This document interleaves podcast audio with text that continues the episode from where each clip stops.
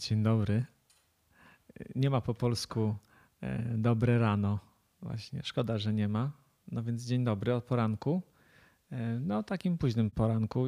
Dzisiaj znowu Marka z oknami otwartymi szeroko na ogród i na ptaki.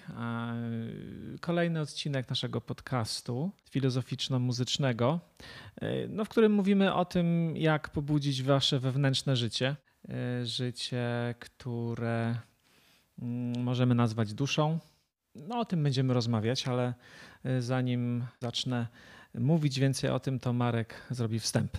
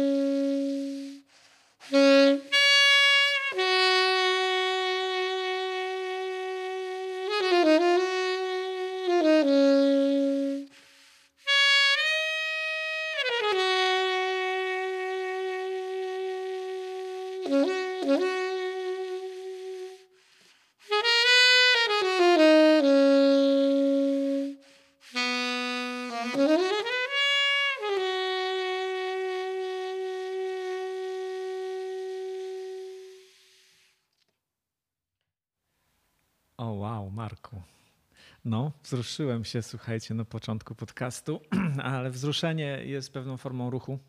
Spróbuję z tego wzruszenia zrobić jakieś poruszenie. E, tak, e, myślałem sobie, jak można muzycznie podejść e, w stronę Platona. No, oczywiście można by szukać jakichś archaicznych źródeł, jak ta muzyka wtedy wyglądała. E, ale myślę, że lepiej zdać się na intuicję i Marek w tę intuicję wszedł. No od razu mi się skojarzył taki dialog Platona, który się nazywa Fajdros, bo tam jest spacer nad potokiem, śpiewają ptaszki, dwóch mężczyzn rozmawia. I to jest ciekawa rozmowa, kiedyś o niej opowiem. Natomiast y, dzisiaj chciałbym o innym dialogu Platona powiedzieć, zahaczyć się o inny dialog Platona, który się nazywa Uczta. Pewnie wielu z Was go go zna. Chciałbym sięgnąć po taki motyw e, związany z narodzinami Erosa, e, które to narodziny Erosa, okoliczności tych narodzin w formie mitu e, Sokratesowi opowiada Diotyma, jakaś wieszczka nawiedzona, która w młodości wtajemniczyła Sokratesa w tajniki sztuki erotycznej czy też erosowej. No, na pewno w sensie idei, ale może i w praktyce o tym Platon nie mówi. Natomiast y, Sokrates już jako starszy gość relacjonuje tę rozmowę na uczcie, biesiadzie, y, czy jak chcecie libacji, y, która no, miała miejsce dawno temu naprawdę, a Platon ją opisał, wykreował literacko. A zahacza to wszystko o pytanie o to, czym jest filozofia. Chciałbym powiedzieć coś o filozofii, jako propozycji dla każdego. I w tym względzie ta opowieść Platona jest, jest zupełnie fenomenalna. Ale zacznijmy, zanim fragment tego tekstu, zanim streszczenie, to, to może jeszcze tak w kilku słowach ogólnie, że nam się filozofia kojarzy z, no właśnie głównie z myśleniem akademickim jednak. To też jest mój, mój los tylko ja nie chciałbym się w nim zamknąć, nie chciałbym się dać zamknąć w żadnej formie do końca, bo zamykając się w jakiejś formie do końca, wcale człowiek nie jest wobec niej afirmatywny, tak myślę. że, że uwielbiając, celebrując jakąś formę, wcale nie robimy jej dobrze. No bo robimy z niej jakiegoś bożka, jakieś bóstwo, jakieś, jakiegoś fetysza. To nie o to chodzi. Taki pomysł na filozofię wcale nie jest y, pierwotny. Filozofia narodziła się, jak wiecie, to jest truizm w starożytnej Grecji. No, kilkaset dobrych, kilkaset lat przed naszą erą, no nie wiem, może VI wiek. I tam ta filozofia narodziła się zupełnie w innym kontekście. Chodziło o to, że że świat y, zaczynał coraz bardziej, świat ludzki, społeczny, kulturalny, zaczynał coraz bardziej, można powiedzieć, e, tak bezwładnie poruszać się w stronę oczywistości, e, banału, tak zwanego zdrowego rozsądku, takiej pychy ludzkiej, która wszystko wie i nad niczym się już nie, nie, nie zastanawia, gdzie bierze górę merkantylizm, polityka, lans, tak naprawdę też, czyli dążenie do sławy, do władzy. To wszystko się tam zaczęło w tej Grecji dziać, y, co tak naprawdę też dzieje się i jest kwintesencją naszego świata. I w pewnej reakcji na to powstaje filozofia. Pojawiają się jacyś tacy, no w dużej mierze e, zdystansowani, e, rozczarowani światem, a dlatego też trochę e, niekiedy pogardliwi, niestety, mroczni ludzie, którzy postawili sobie za cel, żeby przebić się przez to płynięcie takie, można powiedzieć, bezwładne w kierunku, w którym zmierza świat i przebić się do tego, co jest e, głębiej, a co zostaje coraz bardziej pominięte.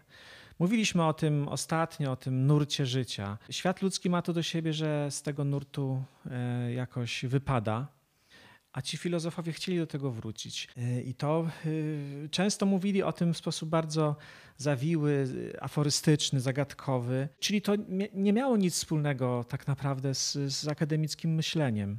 To była jakaś potrzeba wewnętrzna człowieka, żeby przebić się do źródła, żeby się wewnętrznie przebudzić czy odrodzić. To jest ten leitmotiv e, który już znacie naszego podcastu. No dobra, rozgadałem się. Marku, pociągnij mnie dalej.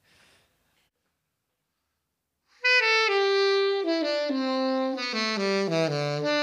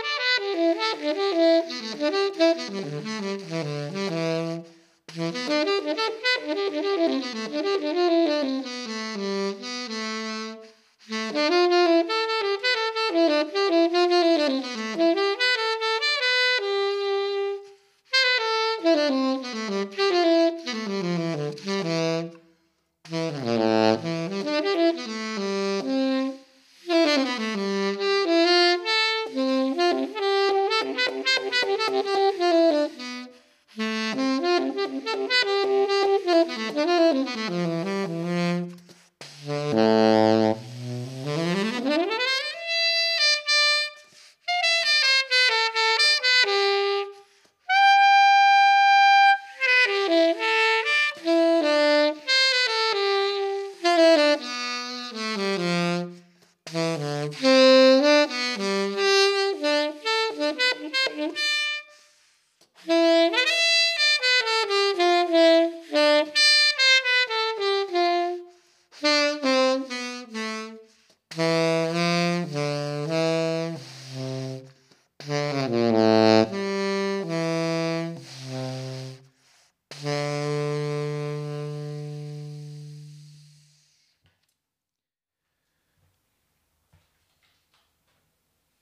Filozofia była zatem dla tych starożytnych, bardzo starożytnych Greków, kiedy się rodziła, była ćwiczeniem duchowym e, dla tych nielicznych, którzy e, chcieli się wewnętrznie przebudzić. E, I to jest zresztą tytuł takiej fantastycznej książki, którą mogę Wam polecić, Piera a do y, filozofia jako ćwiczenie duchowe. To ćwiczenie było potrzebne, znaczy my potrzebujemy ćwiczeń duchowych cały czas. W starożytnej Grecji było tak, że, że ludzie y, ćwiczyli się duchowo poprzez religię, poprzez udział w misteriach. Te misteria poprzedzały pojawienie się filozofii.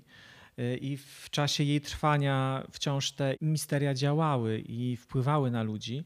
Natomiast y, no, można powiedzieć, że, że z biegiem czasu y, ta taka bardzo mistyczna, wtajemniczająca człowieka w życie religia Greków, ona zaczęła coraz bardziej kostnieć, rytualizować się, stawać się jakimś rytuałem też politycznym, Y, obyczajowym i tak dalej, przestała w związku z tym, przestawała być tak intensywnym ćwiczeniem duchowym.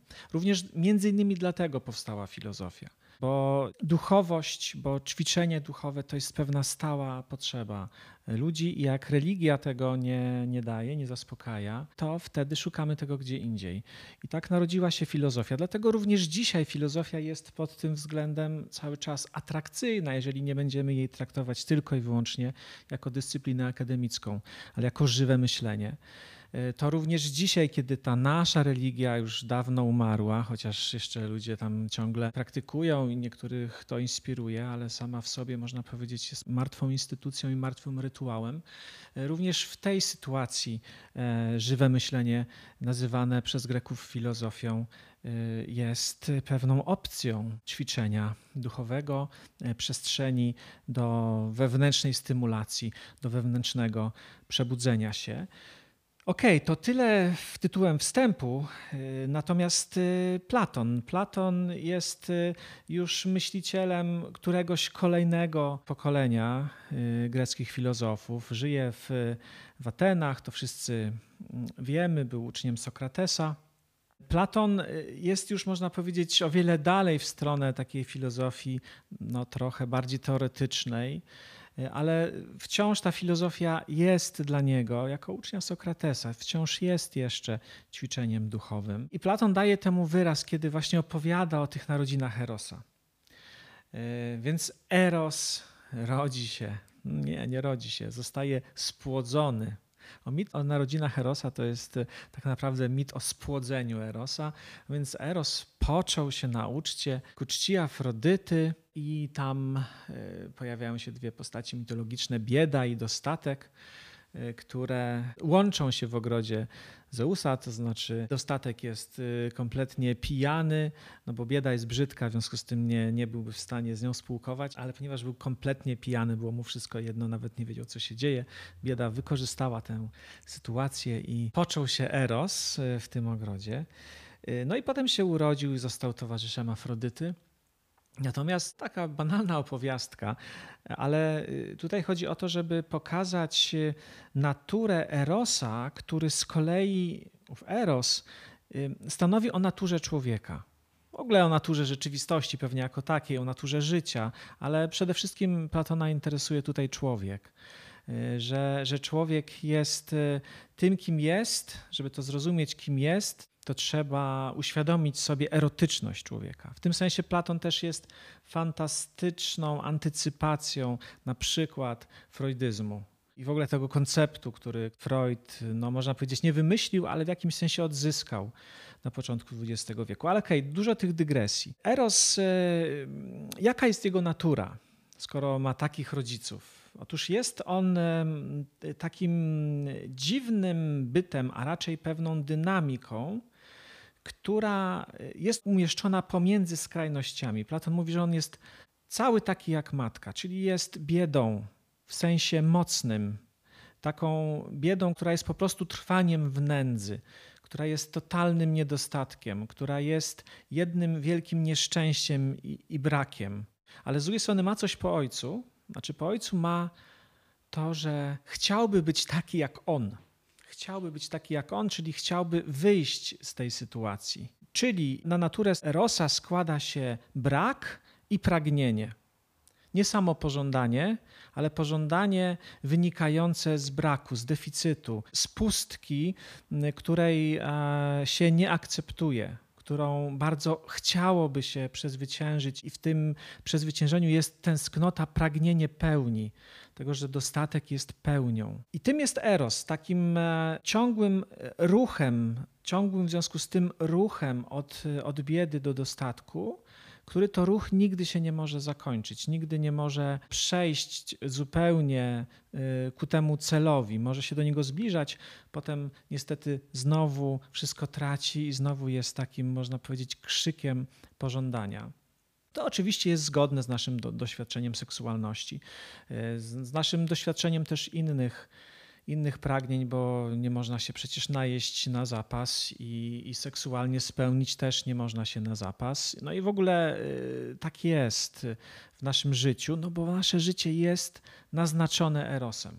Ostatnia taka rzecz, y, zanim poproszę Marka o komentarz, to to, że dla Platona i chyba w ogóle starożytnych, Eros nie jest e, wyłącznie skorelowany z seksualnością. Można powiedzieć, że seksualność jest tylko no, pewnie najmocniejszą i, i nie, niezbywalną, ale jednak tylko jedną z wielu sfer, gdzie Eros się w naszym życiu od, odzywa. Tam, gdzie jest pragnienie wynikające z braku, tam, gdzie jest tęsknota za spełnieniem, tam, tam jest w naszym życiu Eros, czyli gdzie? No tak naprawdę wszędzie.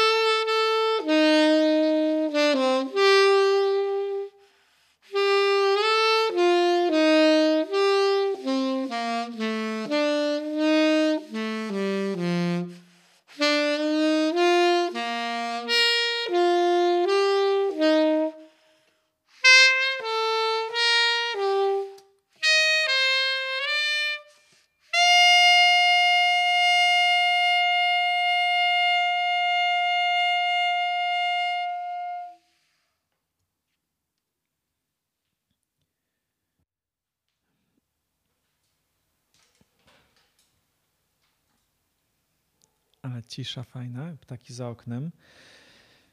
E, jest Eros e, dynamizmem, który opisuje nasze życie, e, nasze ludzkie życie, ale pewnie w ogóle życie, życie w przyrodzie, życie istot skończonych. Każda istota, która jest skończona, która ma ograniczony czas, która ma ograniczone możliwości, nie może osiągnąć pełni jest jakoś rozpęknięta, niekompletna. Dlatego, powie Platon, w całej przyrodzie jest taki erotyczny rozpęd do, do nieśmiertelności, on wręcz nawet powie.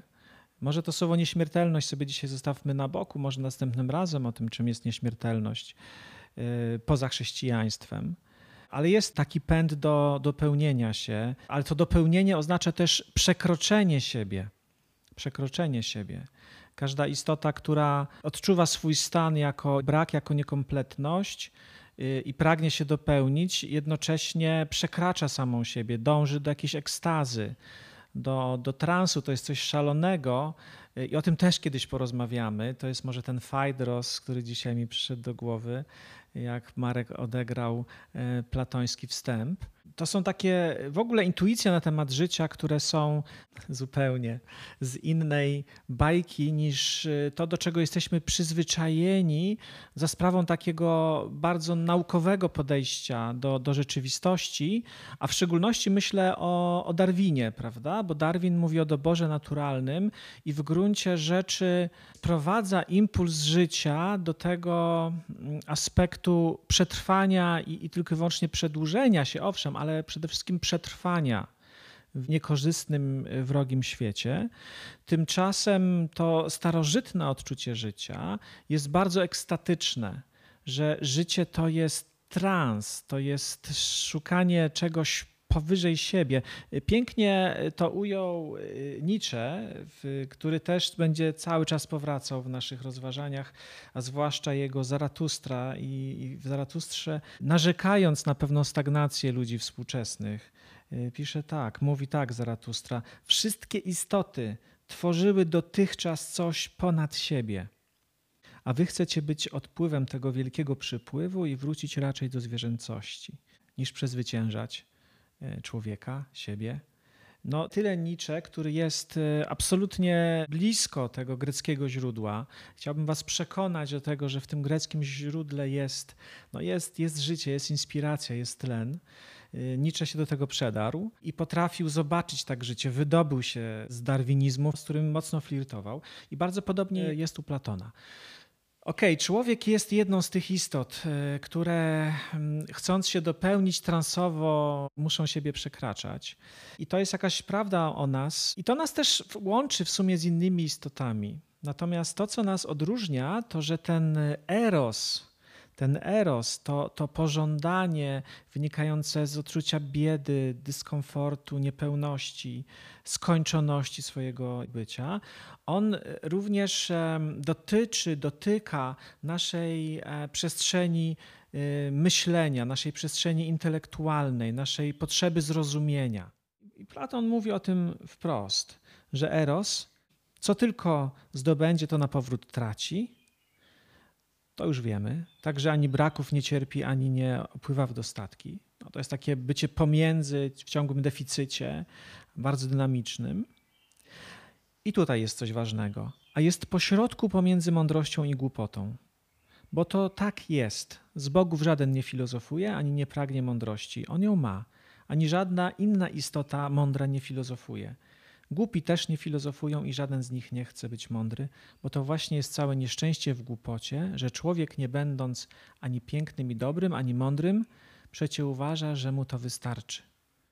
Co my tutaj mamy? Coś dziwnego tutaj się pojawia, bo jest mowa o erosie, który jest w tym wypadku erosem intelektualnym, ja bym go nazwał duchowym, ale za dużo tej duchowości. Erosem intelektualnym, erosem w przestrzeni myślenia i rozumienia że my nie dość, że, że chcemy się dopełnić w sensie emocjonalnie z kimś się złączyć, odczuć przyjemność, wzbogacić się, nasycić się na różne sposoby w sensie naszego ciała, ale my też potrzebujemy dopełnienia, a co znaczy również samoprzekroczenia naszej skończoności w przestrzeni intelektualnej. I w tym miejscu e, Platon mówiąc o Erosie, używa słowa filozof, że Eros jest filozofem. A może filozof, trzeba było powiedzieć, jest, jest Erosem, czy też jest er erotyczny, albo że filozofia jest erotyczną sztuką myślenia. Tak można by było też to, to ująć. I on powiada tak: no, są ludzie i są bogowie. No, Platon uważa jako jeden z y, pobożnych starożytnych Greków, no, że bogowie po prostu są, nie trzeba ich, w nich wierzyć, po prostu się ich doświadcza. Oni są wśród nas. No więc są bogowie i są, i są śmiertelnicy, są ludzie. No i teraz mówi tak: bogowie nie filozofują. Dlaczego? Dlatego, że bogowie posiadają mądrość, czyli znają odpowiedź. Mądrość jest tutaj synonimem wiedzy, ale takiej najbardziej ogólnej, najbardziej fundamentalnej, dotyczącej całości. O co w tym wszystkim chodzi? Czym jest e, świat jako taki? E, jaki jest sens życia i sens istnienia? E, taka wiedza, która obejmuje jednym spojrzeniem całość bytu, całość życia, to jest mądrość. I Platon mówi, ta mądrość jest zarezerwowana dla bogów. Możemy sobie powiedzieć jako sceptyczni w tej materii, no bogów o ile istnieją, albo jakichś innych istot doskonałych, nieśmiertelnych. Jeśli takie istnieją, jeśli e, uważacie, że istnieją bogowie, tak, to oni być może, nie, to oni na pewno są mądrzy. Oni mają tę wiedzę. Natomiast jeśli istnieją, bo może w ogóle nie istnieją, natomiast istnieją na pewno ludzie i ludzie w mądrości mieć nie mogą, bo nie są bogami, bo nie są doskonali, nie mają doskonałego, nieśmiertelnego, wszechogarniającego istnienia, które mogłoby objąć sobą cały sens świata. My jesteśmy skończeni również w sensie poznawczym. No to truizm, ale tak jest, warto też o tym pamiętać, bo z tego wynika, że my nie możemy być mądrzy, my nie możemy posiadać tej wiedzy. Możemy mieć wiedzę szczegółową, matematyczną, przyrodniczą, nie wiem, kuchenną albo jakąkolwiek inną, ale tej wiedzy mieć nie możemy, tej całościowej wiedzy o wszystkim. Y, jesteśmy w związku z tym skazani na niewiedzę. Y, to jest pesymistyczne, ale tę niewiedzę można w różny sposób y, przeżywać. W różny sposób przeżywać. Mogę powiedzieć nawet tak mocniej, że możemy ją przeżywać na sposób zgodny z tym, co jest prawdą o nas, czyli zgodny z naszym erotyzmem, ale możemy też ją przeżywać w sposób, chciałoby się powiedzieć, niewłaściwy albo jakoś odpadający, odklejający się od naszej erotycznej natury. Jakie są te formy przeżywania?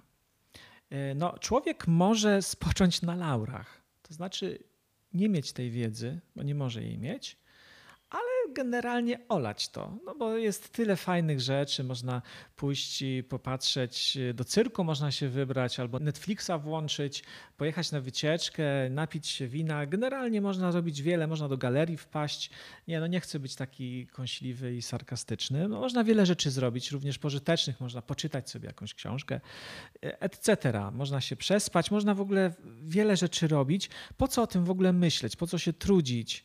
Takie spoczęcie na laurach jest bardzo częstą pokusą nas wszystkich, ale może być jeszcze gorzej. I to jest coś, co, co Platona wręcz doprowadza do szewskiej pasji, że można podnieść rękę do góry i powiedzieć: Ja jestem mądry. Znaczy, ja wiem, ja znam odpowiedź. Czy może być tak, że, że człowiek nie wie i, i nie robi sobie nic z tej niewiedzy, cynicznie się uśmiecha, zajmuje się czymś innym, ale może być też tak, że człowiek popada w jakąś taką manię wielkości i mówi: Ja znam odpowiedź. Ja znam odpowiedź, wiem, jaki jest sens świata. Y, wiem, tym sensem jest na przykład nasz ukochany Jezus, prawda? Albo tym sensem jest praca, albo tym sensem jest, nie wiem, rodzina, albo że wielki wybuch wszystko tłumaczy. No generalnie jest odpowiedź, my już wiemy, wszystko jest materialne, piekła nie ma, w ogóle generalnie super i, i, i żyjemy, po prostu trzeba już się nad tym nie zastanawiać. Bardzo wielu z nas zachłystuje się, czepia się tego rodzaju um, odpowiedzi ostatecznych, które gdzieś przychodzą z kościoła, z telewizji, z książek, ze, ze szkoły, z różnych miejsc. I to jest, powie Platon, y, sytuacja no, bardzo taka fałszywa. Tak? To jest sytuacja, w której człowiekowi tylko wydaje się, że wie. A więc taka jest możliwość, że człowiek tę niewiedzę przeżywa na sposób, y, w obu przypadkach, na sposób pewnego rodzaju stagnacji. Nie wie i nic sobie z tego nie robi, albo nie wie, ale wydaje mu się, że wie i wszystkich przekonuje, że wie. Coś takiego Platon nazywa dosadnie głupota to jest głupota. No i co? Co z tą głupotą? Czy człowiek może coś zrobić ze swoją głupotą? Platon mówi: tak, oczywiście może coś zrobić. Nie możemy być mądrzy, ale jesteśmy skazani na niewiedzę, ale nie musimy być głupi. I wtedy Platon używa tego słowa, tego magicznego słowa filosofia, czyli umiłowanie mądrości. Możemy wydobyć się z głupoty, nie mając mądrości, możemy nie wiedzieć, ale nie być głupi, i tym jedynym sposobem na to jest właśnie filozofia. Jest podążanie za swoim własnym, wewnętrznym, intelektualnym, erotycznym napięciem.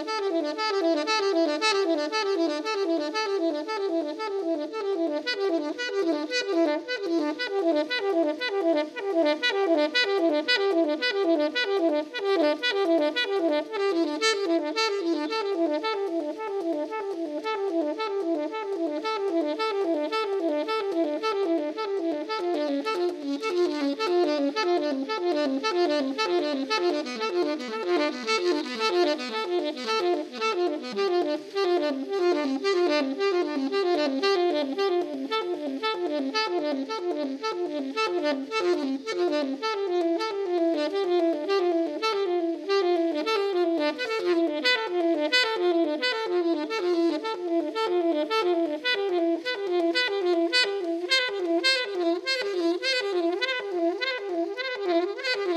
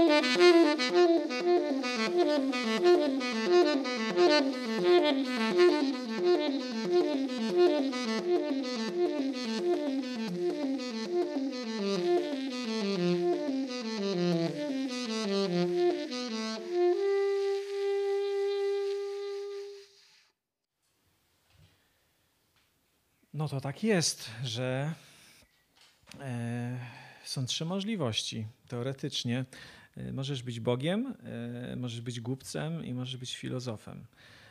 No tak naprawdę pierwsza możliwość jest czysto teoretyczna. Jak myślisz, że jesteś Bogiem, to jesteś idiotą, czyli głupcem. Jak jesteś głupcem, to jesteś głupcem, ale jest jakaś realna alternatywa. To jest filozofowanie. Filozofowanie jest niewiedzą. Ja nawet nie wiem w ogóle, co ja robię na uniwersytecie, bo filozofia jest celebrowaniem niewiedzy, ale takim y, no, naprawdę intensywnym, transowym celebrowaniem niewiedzy. Jest tęsknotą, jest pożądaniem, jest y, transowym szukaniem, pełnym niepokoju, pełnym samo przekroczenia, pełnym pasji, być może nawet samo zatraty tego, co Platon nazywa mądrością, czyli wiedzą najbardziej fundamentalną, najbardziej podstawową i najbardziej ogólną. Wiedzą na temat tego, co, co włada, co jest y, u podstaw, co jest jakimś pierwszym impulsem świata i jego zarazem wyjaśnieniem. To jest filozofia. Y, Platon mówi, że ona jest na wskroś erotyczna. I zobaczcie, jak Nietzsche powiedział o tym, że ludzie coraz bardziej chcą być odpływem tego wielkiego przypływu, chcą być wygaszeniem naporu życia, to ci, którzy nie filozofują, są właśnie czymś takim. Są, powiedziałby Nietzsche, dekadentami. Są tymi, w których życie zamiera, albo którzy w sobie życie zanegowali. W związku z tym, ten, kto jest filozofem, kto wchodzi w trans myślenia, wcale nie, nie, nie katapultuje się poza życie, ale można powiedzieć, intensyfikuje życie w sobie. Y, wytwarza, jeśli tak mogę powiedzieć, to życie w sobie, podtrzymuje je to za mało, nakręca je cały czas, zanurza się w jego nurt. I to jest bardzo, bardzo ciekawe, no bo już wiecie, że musicie być filozofami, y, chociaż mam nadzieję, że nie wszyscy na uniwersytecie, bo wtedy, no nie wiem, stracę pracę prawdopodobnie, będę miał za dużą konkurencję. Tak jak Marek nie chciałby, żeby wszyscy grali na saksofonie. Chciałbym. O kurczę, coś powiedział. Okej. Okay. Ja też chcę, żeby wszyscy filozofowali. Y, natomiast tu jest jeszcze coś takiego fajnego, co jest, myślę, dygresją taką na koniec wartą przywołania. No bo ten stereotyp filozofa to jest oczywiście dzisiaj również stereotyp gościa odklejonego, prawda? Mówi się nie filozofuj, powstrzymaj się od jakichś intelektualnych, nic nieznaczących i donikąd nieprowadzących fanaberii, y, nie wydziwiaj, a więc dziwak, człowiek niepraktyczny, jakiś, e, nie wiem, ktoś, kto ma pewnie za dużo wolnego czasu albo za dużo pieniędzy i w związku z tym filozofuje, buja w obłokach, e, wśród y, problemów zupełnie abstrakcyjnych, nieżyciowych i tak dalej, i tak dalej. Jest taki stereotyp filozofa, to jest pewne piętno, można powiedzieć, antyintelektualizmu naszej natury. Ludzie się boją tego, w związku z tym to deprecjonują. Ale słuchajcie, to jest ciekawe, że to już się zaczęło w czasach Platona. I jeżeli Platon y, nazywa y, filozofa, czy podprowadza filozofa pod, pod erotyczność, i tak właśnie przedstawia, e, to właśnie też dlatego, że chce z tym polemizować z takim trendem deprecjonowania filozofii w ten sposób. To życie społeczne, które płynie z nurtem bezmyślności, trywialności, oczywistości, no i Platon powie głupoty, ono y, impregnuje się na filozofię, deprecjonując ją.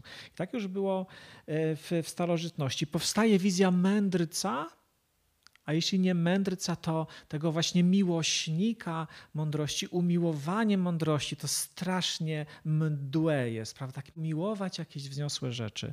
Coś eterycznego, coś mało energetycznego, jakiegoś takiego sielankowo yy, sentymentalnego. A Platon mówi nie, żadne mdłe umiłowanie, tylko eros, tylko żądza płynąca z trzewi życia tylko wielki głód i pragnienie, które, które jest naszą konstytucją. Wielkie wołanie z wnętrza życia, które w nas y, się zapętla i w nas uderza w swoje ograniczenie. Bardzo otchłanne, wręcz z bebechów, z czegoś y, bardzo pierwotnego wołanie o myślenie to jest właśnie to głęboko zakorzenione w życiu. Więc czegoś takiego chciałbym Wam życzyć, takiej filozofii, taką filozofią chciałbym się z Wami, z wami dzielić. To tyle na dzisiaj. Może na koniec tylko ogłoszenie, zawsze to samo. Będziemy o tym zawsze mówić, że zapraszamy za dwa tygodnie na kolejny odcinek naszych filozoficzno-muzycznych dywagacji i improwizacji, bo to jest improwizowane, co się tutaj dzieje. Wszystko jest tylko, można powiedzieć, ogólnym tematem y, zapowiedziane między nami, a potem już jest improwizacja.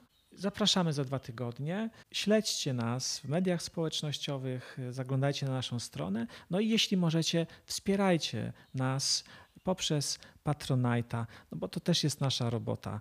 Y, musimy mieć trochę, trochę środków, żeby to zorganizować i mieć trochę czasu, y, żeby się tym zająć.